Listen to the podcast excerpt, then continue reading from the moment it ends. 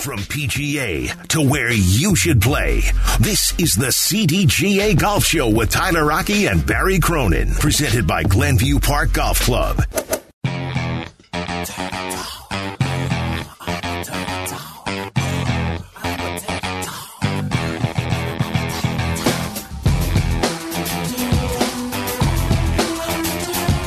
This segment brought to you by Golf Elgin, home of Bowes Creek Country Club and the Highlands of Elgin. Welcome in to the CDGA Golf Show presented by Glenview Park Golf Club. Tyler Aki alongside Barry Cronin and Mike Gilligan with us today from the CDGA.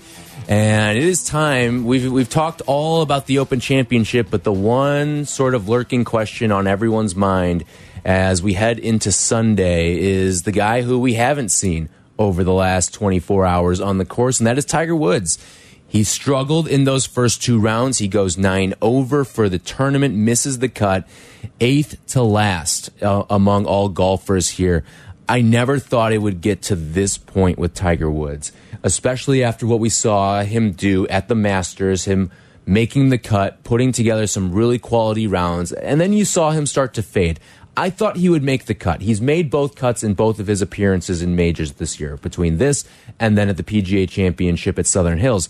But this was just, I really thought, I mean, he had worked his entire offseason and even his entire golf calendar this year to play in this event and to see it come crashing and burning the way that it did in the Open Championship in a tournament that and a course that he loves oh so dearly it was tough to watch. It really was tough to see him flounder the way he did this week. It was shocking. I thought, um, as you said, this was the tournament that he pointed to. It was the golf course that he could more easily walk. Uh, we saw him make the cut at Augusta, where it was a much more difficult walk. We saw him make the cut at the uh, at Southern Hills, where a much more difficult walk. And of course, he withdrew on Saturday. Um, and and here you just thought, he can do this because it the, the fairways are running fast. You know, length was not as going to be as much of an issue. Um, he could play. We talked a little bit before about how he could play these little short game shots from around the green and the putting. But but if you look at it, his putting has not been good.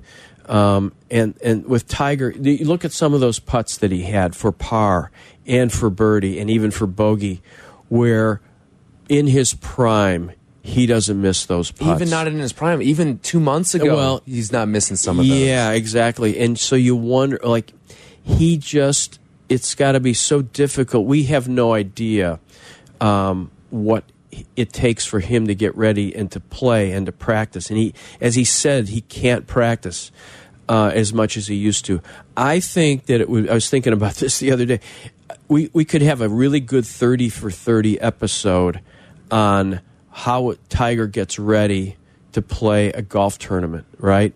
Three o'clock in the morning, getting up, getting his massage, getting whatever they do to get him ready to go out to the golf course, to, to get there an hour early, to hit balls, to putt, you know, all of it. And, and then we would have a better appreciation of what he's doing just to play. And he clearly viewed what he's done this year as an accomplishment. Just that he was able to play, he made two out of three cuts. Um, it was a shame that he didn't make the cut at St. Andrews because I mean the appreciation of the crowd, um, and and in a lot of ways it was it was a it was a week it was a tiger week in in many ways other than uh, off the golf course which I know we're going to talk about but um, yeah it was a shame that he didn't make the cut and I think um, um, you know, everybody loved him. He's the man. You know, Tyler, you mentioned it was the master plan, and it really was. But unfortunately, the train jumped off the track right away right. with a double bogey, um, hitting a shot that is so uncharacteristic about how Tiger goes about his business. And I think in the post event, post round interviews, when he shared with the world, I just can't get tournament tough he it is so hard for him to stay sharp. And I think the putting you mentioned is a is you know a, an end result of simply not playing under tournament conditions and being tournament hardened and being ready to make those necessary putts for whether it's bogey, you know, par or birdie, and to take advantage. I mean, when Tiger was in his heyday, like you said, Barry, he never missed. And if he did, it was like once throughout a tournament. It was national news. Yeah, I mean, like. it was Right. crazy how Right. great a putter that guy is, and but it just goes to show you when you are limited physically, like he is now. Um, that's what happens. It's just these guys are so good, and unfortunately, Tiger can't prepare like he once did, and that's got to deal with the six inches between his ears to a certain degree as well. because it's never felt like that's been something that's faced him. And- Exactly. And, that's why I think it's so cruel to see the way he has sort of gone down these last couple of months. I look at with, with Tiger too. We never thought he was going to play the Masters. The fact that he even showed up to Augusta was earth shattering. It was in a and triumph. itself. Right. And then to make the cut. make the cut. I mean, it's just furthering the legend. But I almost wonder did him coming back and playing the Masters maybe hurt his ability to truly compete at the Open? Was he rushing back into this thing too soon? Could he have maybe used an extra two, three months to really heal his body up so he could play in the one tournament that he oh so badly wanted to play in? And not just that, but then sandwiching in the PGA Championship in between, too did he rush back into this and is that the reason why we see him struggle the way he did at his favorite golf course in the world Well, you wonder though if he hadn't have uh, if he hadn't have played at all before the Open Championship.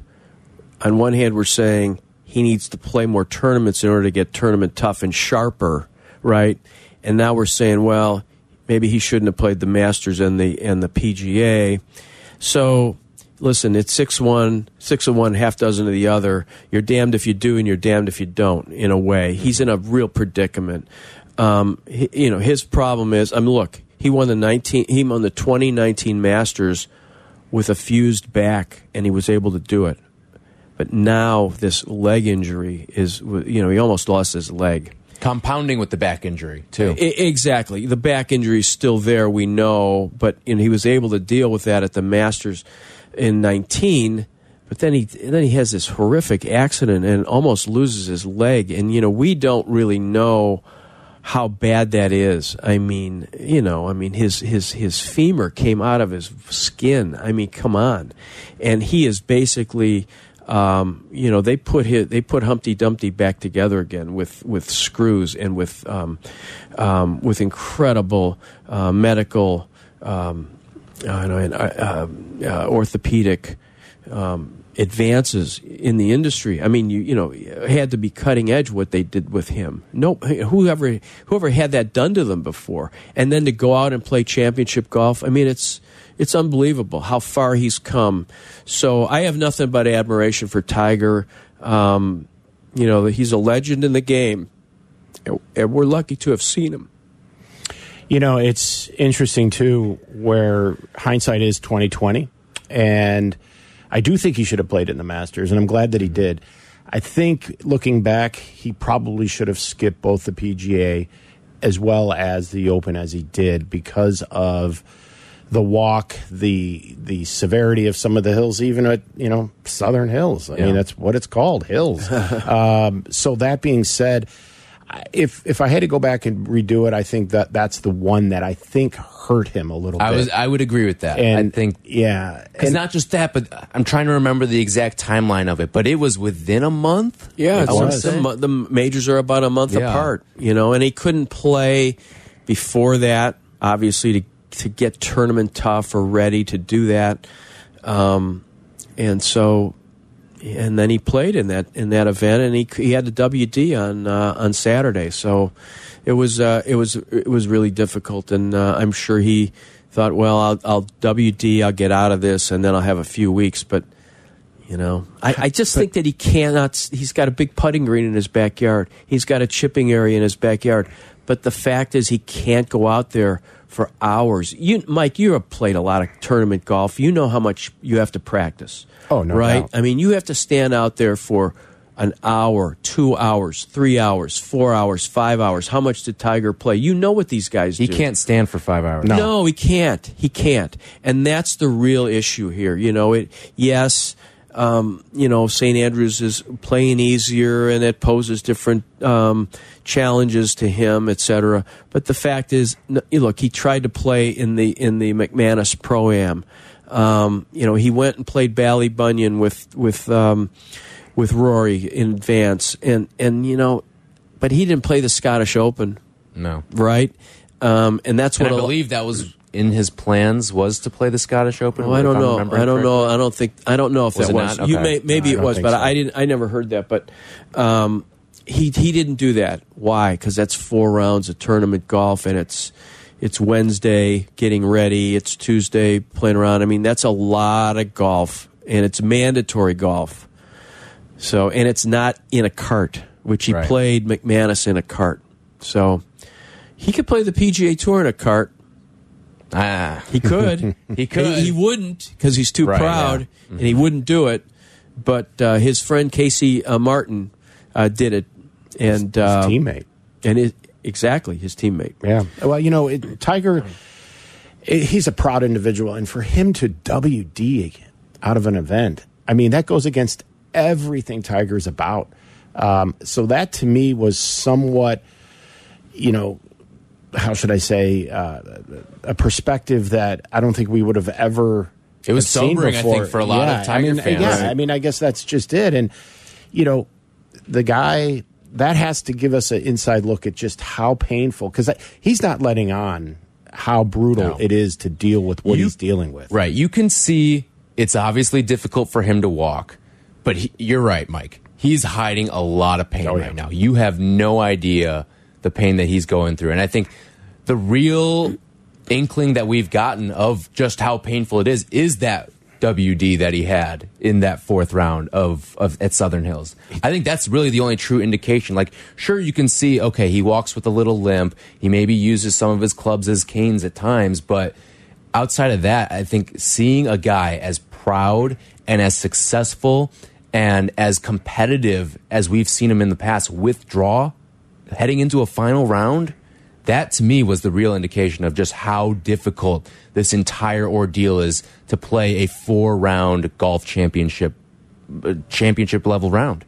Right, hundred percent. And he, uh, anyway, he he did his two rounds at uh, at St Andrews. He was uh, he was cheered at every at every grandstand. He was cheered on the 18th hole, which you know, I mean, my gosh, uh, It was a cool moment, was but it? it was a it Yeah. also it kind was of melancholy. Yeah. It, was like- melancholy. yeah. There's no doubt about it. I mean, you you you look at it and you go, well, this is great, but this is a sad moment. Now, when he comes back seven years from now, when he's uh, when he's 53 or whatever, whenever they go back to St Andrews, he'll play again, and it will be the last time, and and and then it'll be a celebration.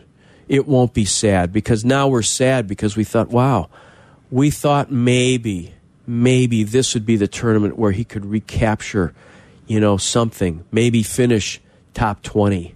I think I think I was hoping for that, maybe that he could do that. Um, certainly never expect him to win, but but maybe he could finish top 20 and that would be a real achievement. But you know, this was pretty sad and I think I think that it it it, it put the writing on the wall that this is really he'll play Hoylake next year because he wanted Liverpool when he won. When, that's when he invented the stinger, Mike, like you, you talked about earlier. He, I don't think he had a drive like one driver all week or whatever it was, uh, but he'll play Hoylake next year. You know he's going to do it. He, he he left the door wide open. Well, I think he left the door wide open when he went over the bridge and did not stop. That Right. me 100%. men- mentally says I am not done, and I'm sending a signal to the world. I am not pausing and tipping my cap. And I agree. He kind of let the cat out of the bag, though. I think, much to the chagrin of the R&A, that they're going back there in 2030. You know, and and that hasn't been formally announced, but he seemed to indicate that that's going to be you know when you'll see him next there. Um, and to your point too, I, I, I think that's where he's finally going to say goodbye, and he's going to do it on his terms in that regard. Now, what happens between now and then? Well, that's going to be interesting. He's got a lot of time off now, you know, and the next you know major we're going to point to quickly is I can't even believe we're saying this is the Masters of 2023. Yeah. but we Yeah. are, Yeah. and a lot can still happen. Time has a funny way of healing most wounds, but this one's a big one. Yeah, I think the other thing with Tiger is this recovery and rehab process between now and the Masters is not going to feel as rushed. It felt like Exactly. everything leading into the Masters earlier this year felt rushed. Right. Right? Yeah, we I were agree. all shocked that he was even playing. And now he's going to have this entire time off dedicated. Hopefully, there is no further damage along the way as well. So it's going to be one of those, everyone's going to be on watch because that's really going to be the next time we'll probably see him in something competitive and like serious and that that'll have the the attention of the nation as well. But I do want to get uh, both of your input on this. Uh, where is Tiger Woods right now in terms of athlete demises, cruel demises that we have seen in sport? Because it is tough to watch, and I think specifically for you two, maybe more so than me, because I only caught glimpses of what Tiger truly was and the all time great that he was. I certainly saw the 2019 Masters, but outside of that, there haven't been a lot of huge Tiger moments. So I, I do want to get into athlete demises and where Tiger ranks among them. And if you've got one as well, 312 332 3776, we'd love to hear from you there as well. This segment brought to you by the Highlands of Elgin and Golf Elgin, home of Bowes Creek Country Club and the Highlands of Elgin. We will be right back. If you want to hop on into the conversation, 312 332 3776, it's the CDGA Golf Show presented by Glenview Park Golf Club. Golf is on your mind and on the air right now This is the CDGA Golf Show. on ESPN 1100.3 HD2, and the ESPN Chicago app. Presented by Glenview Park Golf Club.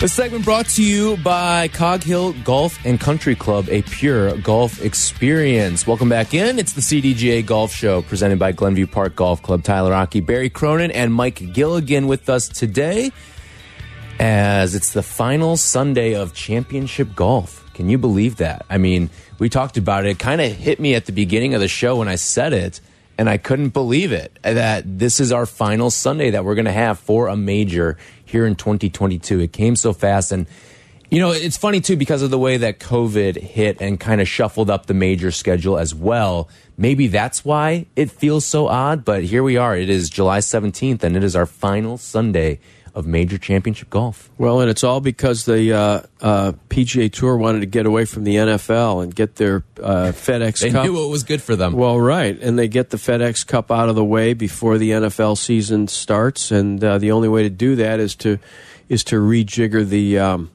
uh, the uh, um, the championship season. And actually, Mike, I don't know what you think as a PGA of America veteran tournament director of all those August PGA uh, uh, events. Um, I think that bringing the PGA into May has really helped make that event a little more relevant. I think it was a it became a bit of an afterthought, the third and a half major. But now that it's in May, I think it's it's got more relevance and, and really and that tournament at Southern Hill was was so good. Um, yeah, you know they and, and of course Kiawah when uh, Mickelson won uh, last year was was a tremendous tournament. I just feel like that that that that um, event has gained a lot more traction in the championship uh, rota or whatever we want to call it schedule. Absolutely. And we, as insiders at the PGA of America, wish that this happened many moons ago. Really? Because, yeah, because I never know- knew that. Yeah, because Breaking the thing, news. breaking news. And Wow. actually, to return back to the history of the PGA Championship, it used to be played in May. No kidding. Yes, when it, especially when it was back when it was match play, but they did move it to August, and I think that uh, between that and also picking some venues that were eh, not all that great, um, led to that demise of it in its stature of being a major. Couldn't agree with you more, though. Going back to May, best thing they did. Yeah.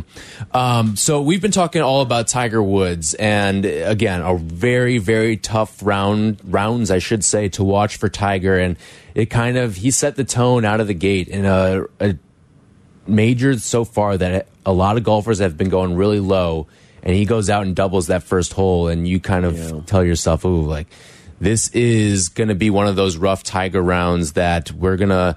hopefully not remember when it's all said and done with his career. But this was Tiger Woods after his second round. This was on NBC, or rather on Sky Sports, I should say, reflecting on his time at St. Andrews and everything that went down in the Open Championship for him? Uh, I always enjoy playing the Open at the at the old course. Uh, it's it's special. Uh, uh the the R&A set it up with some pretty tricky pins, some some new ones. Um, it made it a little more difficult, and obviously a lot more difficult on me than the others. Uh, but uh, again, anytime you get the chance to come back and play the old course and in the Open, um, it's just it's just special. It really is. And as I uh, said to Tim, I've been lucky enough have been doing this since 1995, and. Uh, um, I, I, don't know if I'll be physically able to, to play another British Open here at St Andrews. I feel, certainly feel like I'll be able to play more British Opens, but I uh, don't know if I'll be around, you know, uh, when it comes back around here. So um, the warmth and the ovation on, at 18, it, it, it got to me. Um, uh, and just the walk, you know, I, I, felt the guys stop there off, off the tee on 18, and I, it. It was just incredible. The just amount of understanding and respect um, from all, all the people that are involved in, in this event that, that, come out and support it. Uh, the players, uh, the nods I was getting as players were going out. Um, I looked over there, and you know, Rory gave me a tip of the cap. JT did the same. Um, it, it just, it's just there's something to it that's just different. So there you hear Tiger kind of close the door on maybe him ever playing at the Open at St. Andrews ever again. And you guys alluded to when he's going over the Swilcan Bridge, he didn't take the pause. It was a, a casual stroll across, and but everything's sort of set up there the way that it is the final one for him.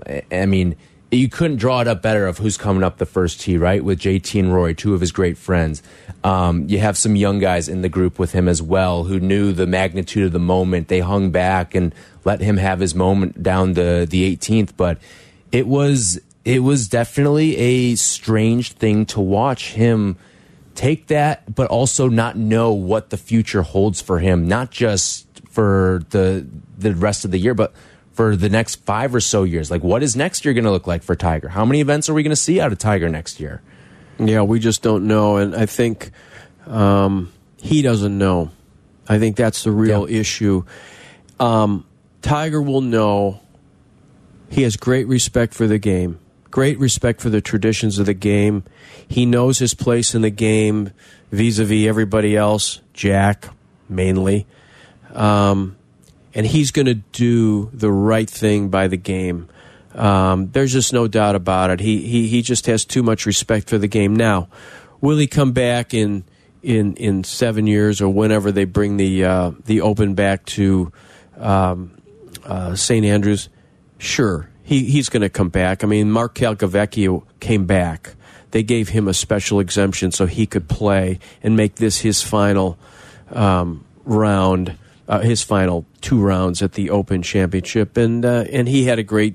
He had, you know, Calcavecchio deserves some applause and some honor by the crowd, which he got. But I would think if Tiger can still walk, he's going to do it again, and it will be his final he'll stop on the bridge when he's 52 or 53 and uh, and wave and and take pictures and do whatever.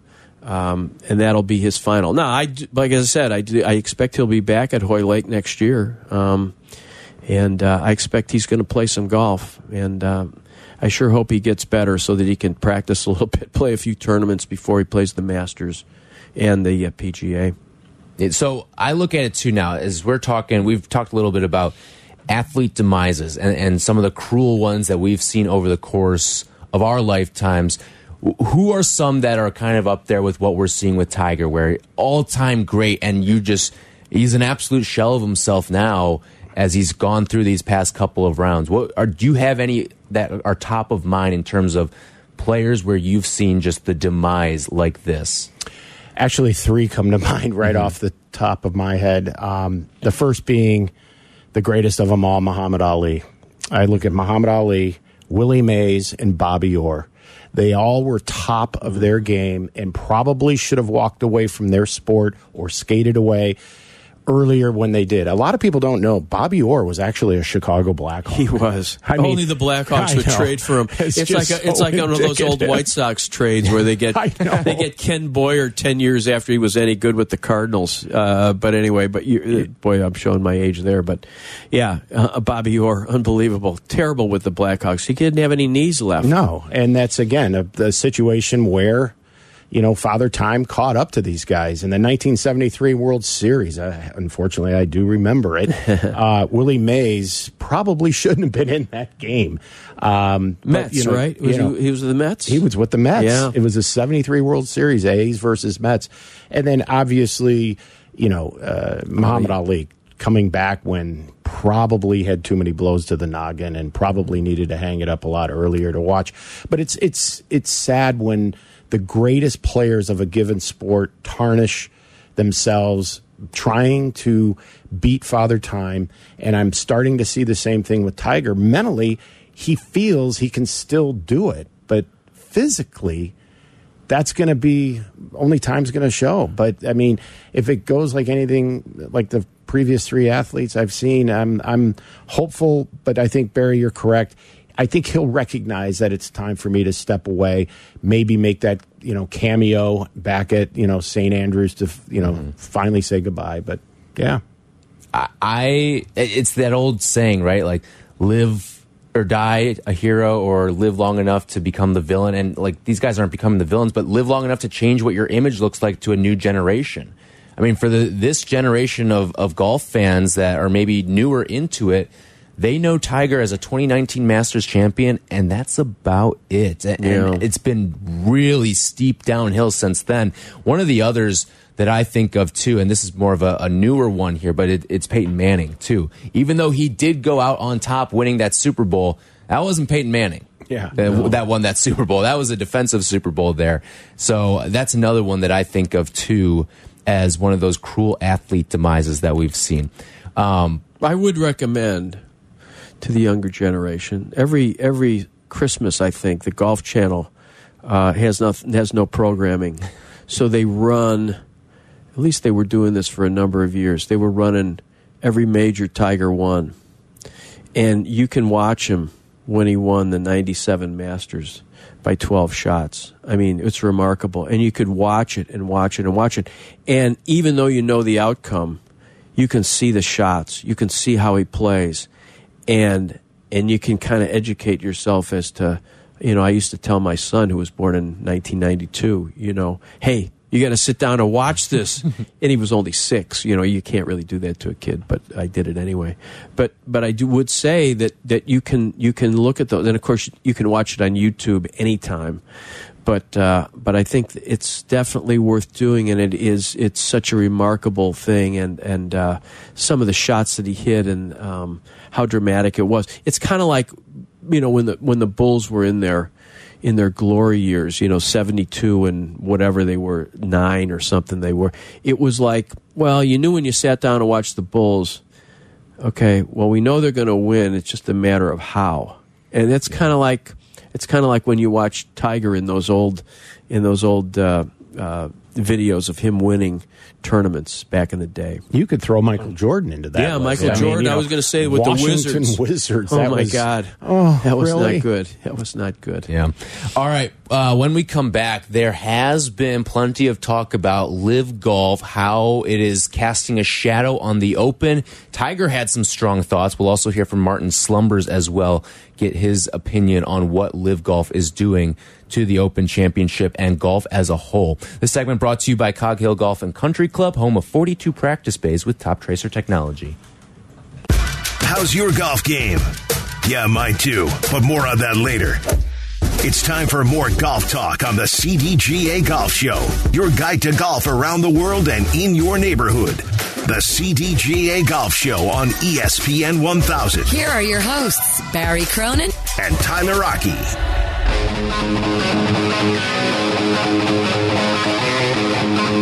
This segment brought to you by Zero Friction and their new Wheel Pro golf bag. It is the CDGA Golf Show. Tyler Aki and Barry Cronin alongside Mike Gilligan as well on this final championship Sunday on the 2022 golf calendar. We've been talking all about the Open Championship. We've been also talking a lot of Tiger, but one of the clouds that has sort of been hanging over the Open this week is the LIV Golf Tour. And I think this is the most flack LIV Golf has caught at a major so far this year. When you look at some of the comments made, sure, it's been addressed at a number of spots, but this is where you've really started to see executives, fellow golfers, a lot of big names too coming out and saying some nasty things about LIV Golf and what it is doing to the the sport and especially with players on the PGA Tour how people can't believe that people would sell out or go out and turn their back on a place and an organization like the PGA Tour. Well, in fact, um, Ian Poulter and Lee Westwood, I think, were got a few boos on the uh, first tee at St Andrews, um, which is really what the least of what they got. Um, Tiger Woods, there was a Tiger manifesto, basically saying he couldn't say he couldn't uh, believe Yeah. That these guys could Well, here, do- let's turn listen their to back- Tiger. Yeah, listen to Tiger. Tiger, this is him talking about LIV golf and, and what it is doing to the PGA Tour and, and his message to the players that are jumping ship. I disagree with it. I think that uh, what they've done is they've, they've turned their, their back on what has allowed them to get to this position. Some players have never got a chance to even experience it. Uh, they've they've gone right from the amateur ranks right into you know that organization, um, and never really get a chance to to play out here and, and what it feels like to play a tour schedule or, or to um, play in some big events. And you know, who knows what what's going to happen in the near future with world ranking points, um, the criteria for entering major championships. Um, the, the the governing body's going to have to figure that out, and I some of these players may may not ever get a chance to play major championships, and that is a possibility. Uh, we don't know that for sure yet. It's up to the all the major championship bodies to make that determination, but that is a possibility. That um, some players will never ever get a chance to play in a major championship, never get a chance to experience this right here. Walked out in the fairways at Augusta National. I mean, uh, that that to me, I, I just don't. I just to me, I just don't understand it. And so that's Tiger Woods. That is the biggest name in your sport for a lot of these guys and a lot of the guys that jumped ship. That's your idol telling you, I do not agree with what you did and what you're doing and what you're doing to the game of golf. Well, and he said uh, specifically about these young players. Um, The amateurs, yeah. James Piot, who won the uh, U.S. Amateur out of Michigan State. Um, the young man from uh, uh, Spanish player, whose name I can't remember, sorry. Uh, From Oklahoma State, Oklahoma yeah. Who went from college to the LIV Tour. Um, so um, they took their millions.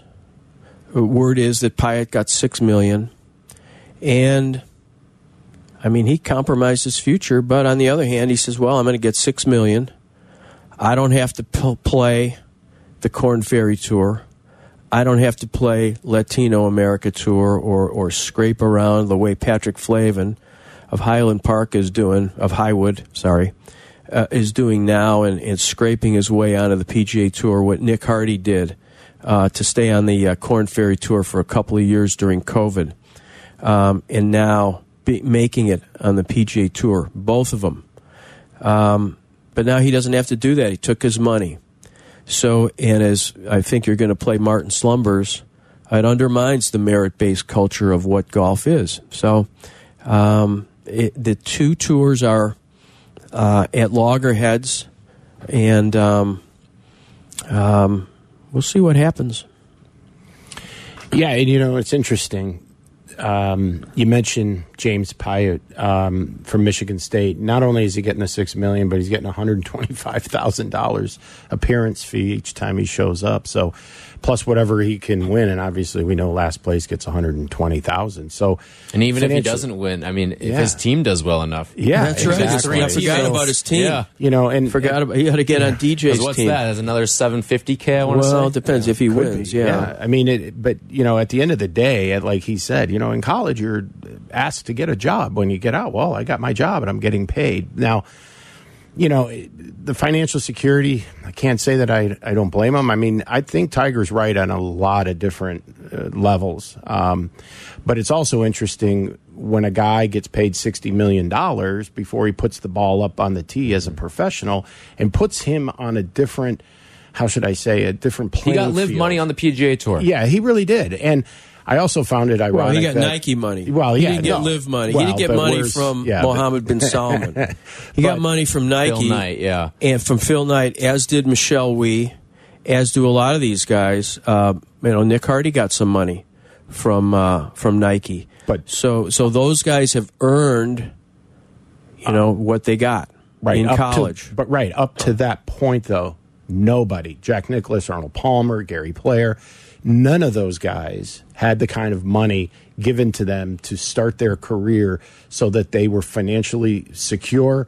They could just go for winning and and be in a position mentally that most players who start in on the tour don't have the the resources or the comfort, if you will, to start out their career. But you know, that being said, you know, Tiger was, you know, he wasn't well liked when this first happened. You know, a lot of players were envious, a lot of players were angered by it. But at the end of the day, these same players thank Tiger because what did he do? He boosted the po- he boosted the purses, right? And that's what LIV has done. I mean, so in an odd way, the PGA Tour found $54 million in the seat cushions for next year. So, in a good, in, I guess, in a positive sense, the, the PGA Tour players are going to benefit from this. So, on certain levels, maybe Phil was right, um, but I don't necessarily agree with how the players have handled it. And like they said, you know, turned their back, and it has been a merit based uh, competition or playing field uh, throughout its history, if you will. And it, it, but it's different, and it is different, and it's change, and it's a game that's very steep in tradition, and it's tough for the traditionalists and uh, you know historians of the game to accept this. And rightly L- so. Let's squeeze Well- in a call real quick. Mike is in Griffith. Mike, you're on the CDGA Golf Show. Hey, it's ironic you guys bring this stuff up at the same time. Major League Baseball just settled for like 190 mil because they were exploiting the hell out of 18, 19, and 20 year old guys down in the minor leagues, right? At the same time, you can now go to college and before you ever step foot on a football field, you get a check for a million and a half dollars. Then on the other hand, if you send a bunch of guys over to LIV golf, that opens up a whole bunch of slots, right? All those young guys now can get in there. But if you don't put the purse at 20 mil at the top and give 10 to the first guy, the guys on the bottom are starving. They can't afford to play down there. I mean, it's just cra- I guarantee if one of you two guys got offered five times the amount of money to go to the next radio station right down the dial, you're gone in a heartbeat. When a kid comes out Well, of you you uh, you underestimate how much we love E ESPN. I think is really what Yeah. is really Mike- what the thing is. Mike, you know, we look, appreciate the I- I think you're talking about different industries. I mean, needless to say, over all these years, minor league baseball players have been quote unquote exploited. Well, what does that word mean? Okay. You don't have to play major league, you don't have to play minor league baseball. You can go get a job as a, uh, as a high school coach and coach there the rest of your life and, and not ever play minor league baseball. And same thing with golf. Nobody's forcing you to go to the, uh, Korn Ferry Tour. Nobody forced Patrick Flavin to graduate from the uh, Miami of Ohio and to uh, try to get on. He was played on Latino America. Now he's Monday qualifying, and he's made over three hundred fifty thousand dollars this year. He's going to probably, he certainly will be on the Korn Ferry Tour next year, maybe even the PGA Tour. And he scratched it out of the dirt, which is what Tiger said. Yeah, Tiger got a lot of money, but Tiger went out and won 15 majors and 82 tournaments and dominated the sport and raised the purses to the point where a guy like Brooks Kepka, to his credit, four major championships, $38 million. Um, uh, Patrick Reed, one major, um, five, I don't know how many tournaments he won, five, six, seven, eight, $32 million. So we talk about generational wealth, okay? So that's generational wealth to me 30, 30 million bucks that's pretty good All right, when we come back, we'll reset the leaderboard and tell you what's going on around the CDGA as well. We do have another prize pack to give away one of the CDGA gloves, as well as a dozen tour spin balls as well. Be caller 10 right now, 312 332 3776. You'll win a zero friction glove, as well as a dozen tour spin zero friction golf balls, 312 332 3776. The segment brought to you by Zero Friction, the most innovative products company in golf. Welcome into the CDGA Golf Show on ESPN 1000, presented by Glenview Park Golf Club. Here's your hosts, Barry Cronin and Tyler Aki. Wrapping things up on the CDGA Golf Show. Thank you to Jake Cantu for producing today. The segment brought to you by X Golf Downers Grove, easy access off of I 88 and I 355. The final pairing teeing off, Vic and Rory each finding the fairway on one, and we are underway with the final pair. We do have the Illinois Amateur going on this week, Mike. Can you tell us a little bit about what's going on there? We sure do. Um, we have the uh, 91st Illinois State Amateur being played up at Westmoreland Country Club uh, from the 19th to the 21st. We'll have a practice round tomorrow. But the event crowns the best amateur golfer in the state of Illinois. And there'll be a field of 136 of the top amateurs and some of the notable winners in the past. Uh, on tour, D.A. Points, Luke Guthrie, Vince India, T.K. Kelly, who won the Illinois Open uh, last year, and Nick Hardy, who is out on tour. He's a four time U.S. Open uh, participant. And the name we've heard in the pride and joy of Miami of Ohio, the Redhawks go Redhawks, Patrick Flavin. So it's free admission, and it's the first time the event has ever been on the North Shore. So if you've never been to Westmoreland Country Club, it's a gem. Go out and watch some of the best amateur golf in the state of Illinois. All right. This segment brought to you by X Golf Downers Grove with easy access off of I 88 and I 355. We'll be back next week to recap the final major of 2022. Thanks so much for listening, and we'll talk to you guys next week.